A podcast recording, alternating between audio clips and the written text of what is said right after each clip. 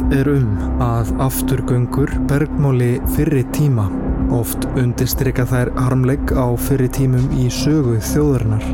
Eins og áður hefur verið nefnt í þáttunum eru ástæður fyrir afturgöngum taldnar margar en þó allra helst að þær séu bundin okkar jarnaska heimi vegna þess að þau eiga eftir að binda enda á ókláraða atbyrði.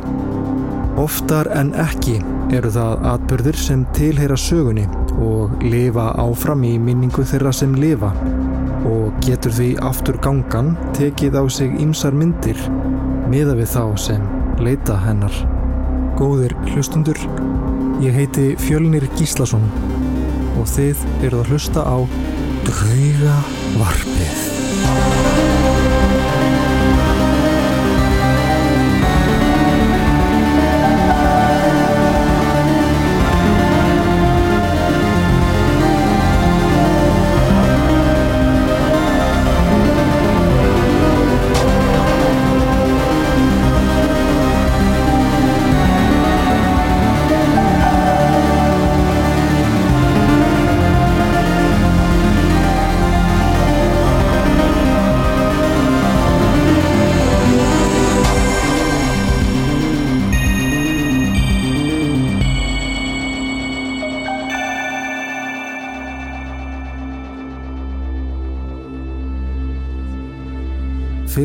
Húsið á lóðinni þar sem Tjarnabíó stendur nú var Timburhús, reist árið 1845.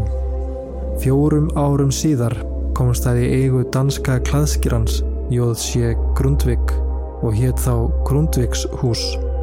Þegar dönsk ekja að nafni Annika Knudsen settist þar að nokkru síðar var húsið Anikuhús, svo var það rifið 1891 og í staðinn reist tvílift timburhús. Skömmu síðar var það rifið og í staðinn byggt þar Íshús, auk annars hús undir slökkvölið Reykjavíkur árið 1912. Vegna stærðarsinnar þrengdi Íshúsið að Suðurgötu 11 þar sem brunnhúsið svo kallaða hafði staðið síðan 1837. Ákveðið var að rýfa það líka og fylla upp í brunnin sem húsið var kent við og endaði hann undir norðuvegg Íshúsins. Eftir blómatíma Íshúsana á fyrsta þriðjungi 20. aldar var húsinu breytt í bíó sem fekk nafnið Tjarnar bíó. Á þeim tíma sem veri var að rýfa gamla Íshúsið uppkvitaðist brunnurinn aftur og tafði það framkvæmdi lengi vegna fordlega gröfts. Lítil saga fylgdi þessum brunni til að byrja með og var því haldið áfram að byggja síningarímið. Kvikmyndaklúpurinn Filmía livði í 11 ár.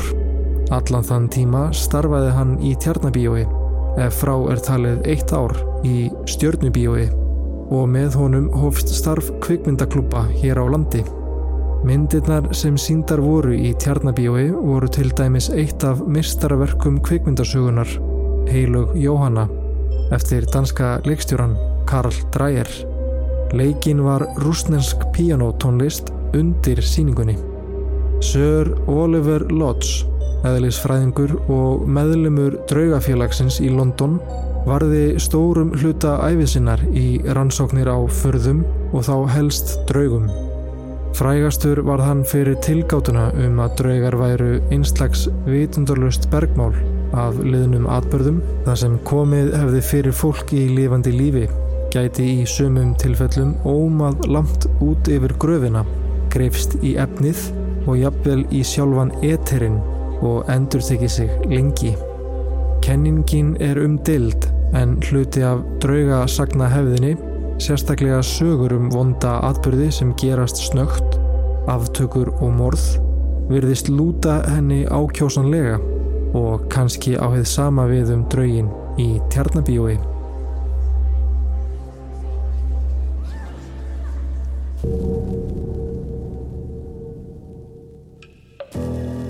Að sögn fjölmarkra vittna í húsinu hefur sérst þar til konu sem gerðnan er íklætt kvítum kjól náttkjól eða náttskirtu. Annað í fari hennar tekur breytingum. Yfirleitt sést til hennar í bíósalnum, nánar tiltekið í námunda við sviðið, á fyrri tímum í rými undir sviðinu og í setni tíð í síningar opinu aftast í salnum. Á fyrstu árum bíósins voru síningartækin stærri en þau eru í dag og vörpuðu ljósi sínu aftan á síningatjaldið. Eitt sinn þegar smiður var að störfum á sviðinu bakvið síningatjaldið sá hann hvernig sæið á gólfinu raðaðist í undarlegt minnstur, ring sem að sögn var beint yfir gamla brunnstæðinu. Algengt var að fótatak heyrðist undir sviðinu og stundum barst þaðan látt grátljóð. Píjánuleikari sem leg undir mynd í bíóinu sá kvítklætta konu byrtast í gegnum veggin næst tjaldinu og síningastjórin sá hana oftar en einu sinni í herbygginu undir sviðinu þar sem hún sneri andlitinu að vegnum en hvarf þegar hún var ávörpuð. Þegar bíósíningar lögðust af og húsið var nota til leiksíninga fjölgaði þeim sem urðu varir við kvítklættu konuna. Hugmyndin um að hún heldi sig gerðnan í námunda við brunnin varð ákveðnari og við bættist barn sem konan hafði mist þar ofan í eða jafnvel drekt þar sjálf. Ef þessi viðbót var upphaflega sett fram sem tilgáta er ljóst að hún var fljótlega hluti af sögunni og með tímanum var kvítklætta konan að konunni við brunnin sem leitaði þar barnsinsins. Upp úr síðustu aldamótum var konan í tjarnabíói ennþá kvítklætt en aðtapnasvæði hennar og veru háttur, ef svo má segja, var annar.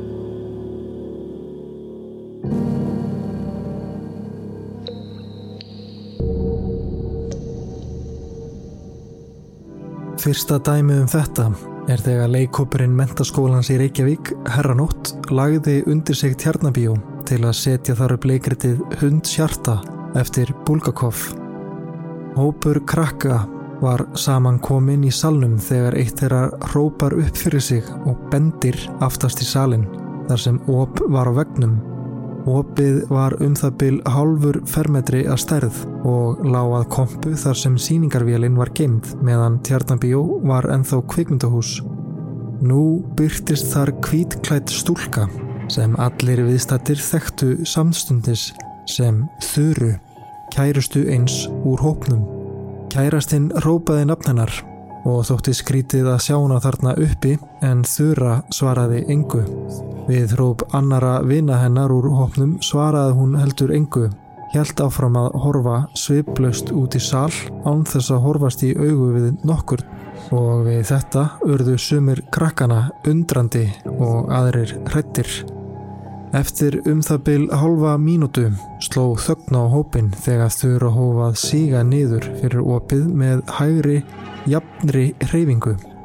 Ekki ósvipa því að hún stæði á lyftu palli. Undir eins slupu nokkrir úr hópnum að stegunum frammi til að mæta henni þar en einn strákana hljóp ragleitt að opinu og gæðist inn. Í kompinu og bakvið var engin þurra, ekki í stegunum frammi og raunar hvergi í húsinu. Stelpan í miðasölunni sagði engan hafa yfirgefið húsið eða komið inn og við aðtugun á opinu þótti óhugsandi að einhver geti látið sig síga þar í gólfið eins og krakkarnir höfðu orðið vitnið að. Til þess var opið of nálagt gólfinu. Síðdeis sama dag byrtist þurra einn eina sanna, loksins, í bíóinu.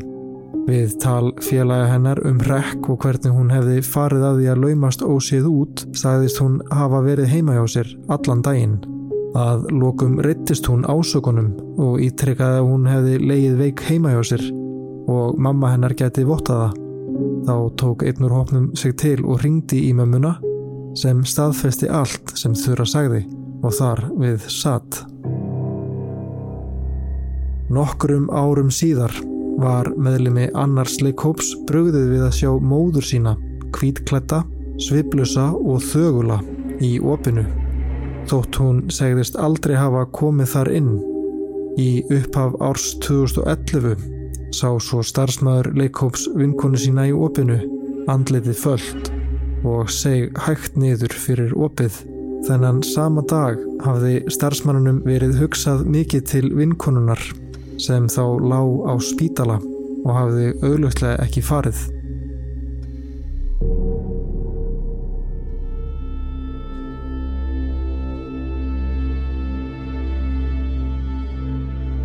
Þjóðleik húsið stendur við hverfiskötu 19 en uppaflega var því valinn staður úr landi Arnarhóls á lóð sem ríkið hafði heitið að gefa undir leikhúsið.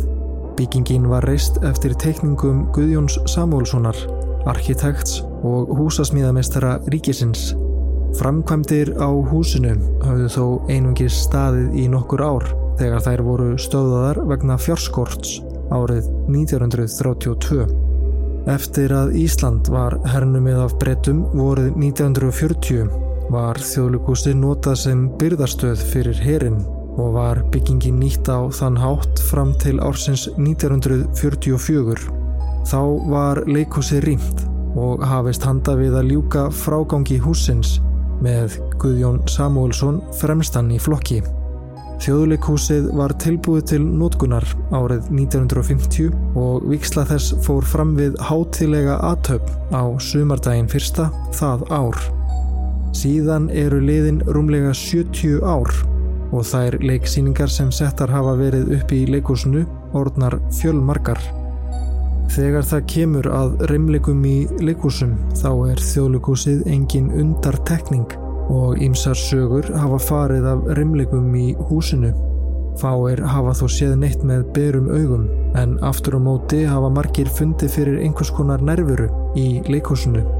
Mísmundi getgátur eru til um uppurna þess sem þar er á ferli og sumir telja að draugagangin megi rekja til manns sem lést af slísafurum í húsinu. Aðrir eru á því að rekja megi uppruna rimleikana til tíma breska hersins í byggingunni en þá vissu Íslendingar lítið um það sem fór fram innan luktar dýra þjóðlegúsins. Eitt þeirra starfsmanna sem tjáði sig um slíkt var Árni Íbsen. Hann var afkastamikið leikskáld og ljóðskáld sem starfaði hjá þjóðlegúsinu í tugi ára. Ferill hans hjá leikúsinu var farsæl og þær voru ófáar stundirnar sem hann eitti í húsinu. Kvöld eitt er Árni var þar við vinnu varð hann fyrir ónótalegri reynslu sem hann rætti um við Guðrunu Gunnlaugstóttur í viðtali sem byrtist í morgumblaðinu árið 2004. Ég var ekki myrkfælinn sem barn. Oft bað amma mig að skreppa niður í kjallara til að sækja í búrið sultukrukku eða karteblur. Aldrei varði þó hrættur í þeim ferðum þó dimt væri niðri. Ég var þó einu sinni lungu síðar mjög skjelkaður vegna yfinnáttúrulegra og ósvimalegra áhrifa. Ég hafði vinnu aðstöðu norðanmegin í þjóðlugúsinu. Til að komast ángað þurfti ég að fara um pall framann við ingang að norðanverðu sem mikið var notaður meðan skrifstofan var í húsinu. Eitt sinn var ég að vinna síðla kvölds inn í húsinu. Þegar ég kom niður á stegapallin þyrmdi yfir mig ákaflega skrítin tilfinning. Ég var lengi niður stegan og þorði ekki að líta tilbaka. Setna fannst mér ég ekki komast þarna niður og fór heldur yfir dimt sviðið og gegnum allt húsið. Ég hafði orða þessu og í ljós koma margir höfðu sömu sögu að segja. Einn leikarin sagði, er þetta ekki þar sem hálfi maðurinn er? Það hafði nefnilega starfsmæður eld mannveru um allt húsið sem hvarf svo. Ég tel að þessi slæðingur eigi rætur að reykja til þess hlutverks húsins að vera fangilsi og jafnvel aftökustadur hersins á stríðs árunum.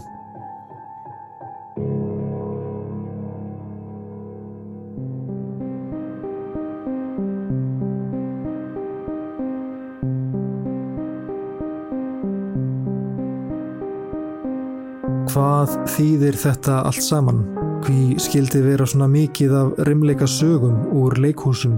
Eru leikhúsin okkar mögulega einn bestu bergmálshellar liðina atbyrða?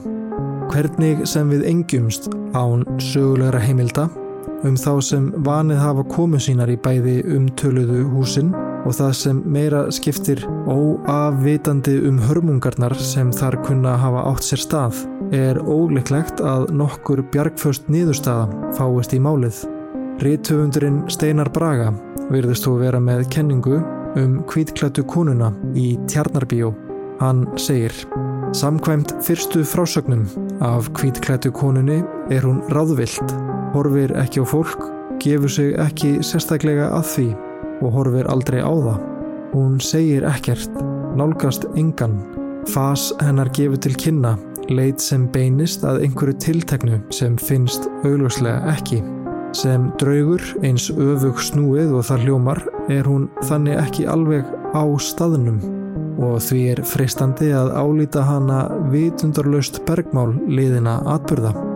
Það er aðteglisvert hvernig líkil orðið í fyrstu sögunum, leitin, heldur áfram að fylgja drögnum en í þver öfugu samhengi. Í nýlegustu sögunum lýsa svipriði drögsins korki ráðleysi, nýje lungun. Þau eru snauð af öllu. Þó fela sögunar enn í sér leit sem hefst þó ekki fyrir en aðrir hefja leit að drögnum sem við gerum þá ráð fyrir að hafi tekið á sig mynd ástvinna þeirra. Draugurinn er því ekki lengur gerandi í leitsinni, heldur viðfang. Þrátt fyrir þetta er ljóst að hinn afgerandi kent draugsins þráinn að baki leitinni hefur aukist að styrk með því að líkamast í efninu. Það er í hugum þeirra sem lifa. Ef draugurinn varð áður ekki nema bergmál, vitundarlaus orka á ringsóli um einslags eteriska gróp, er ljóst að grópin hefur diffkað, fleiri snúast um hana en áður og af meiri krafti og líkt og gerist þegar steinvala snýst um hólu og botni ár og festist, þá diffkar hólan, verður að keldu og keldan að heil sem gerir okkur kleift að segja eftirfarandi með nokkuri vissu að tjarnabíó er eterisk kelda sem nærist og diffkar á marklausri, ringlaðri leitt. Árni leitar skýringa á upplifun starfsfólksins með því að tengja hana við vofveglega og lít þekta atbyrði sem áttu sér stað í húsinu áratugum áður. Slík tenging er algeng þegar kemur að draugasögum því skiljanlega er algengt að þær spretti upp á stöðum þar sem eitthvað óhugnalegt eða undarlegt hefur átt sér stað. Auðvelt er að segja að orð þáttarinn sé leit. Við erum sem manneskjur oft mjög leitandi hvort sem það sé skýringar eða svara.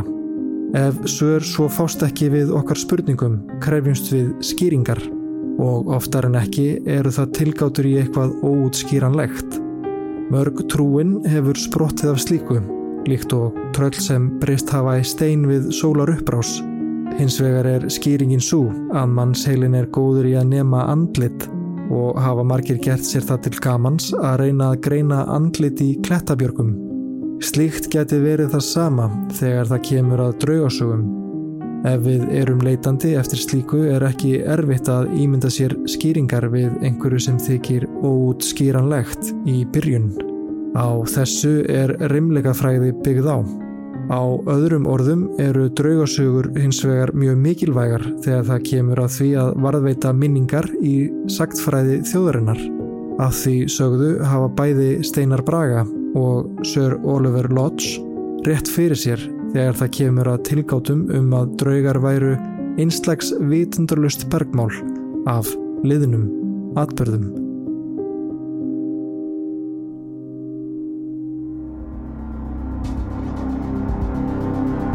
Við gerð þáttarins voru heimildir notaðar úr Reymleikari Reykjavík eftir Steinar Braga og Reymleikari Reykjavík draugasögur úr miðbænum eftir önnu Kristinu Ólofsdóttur.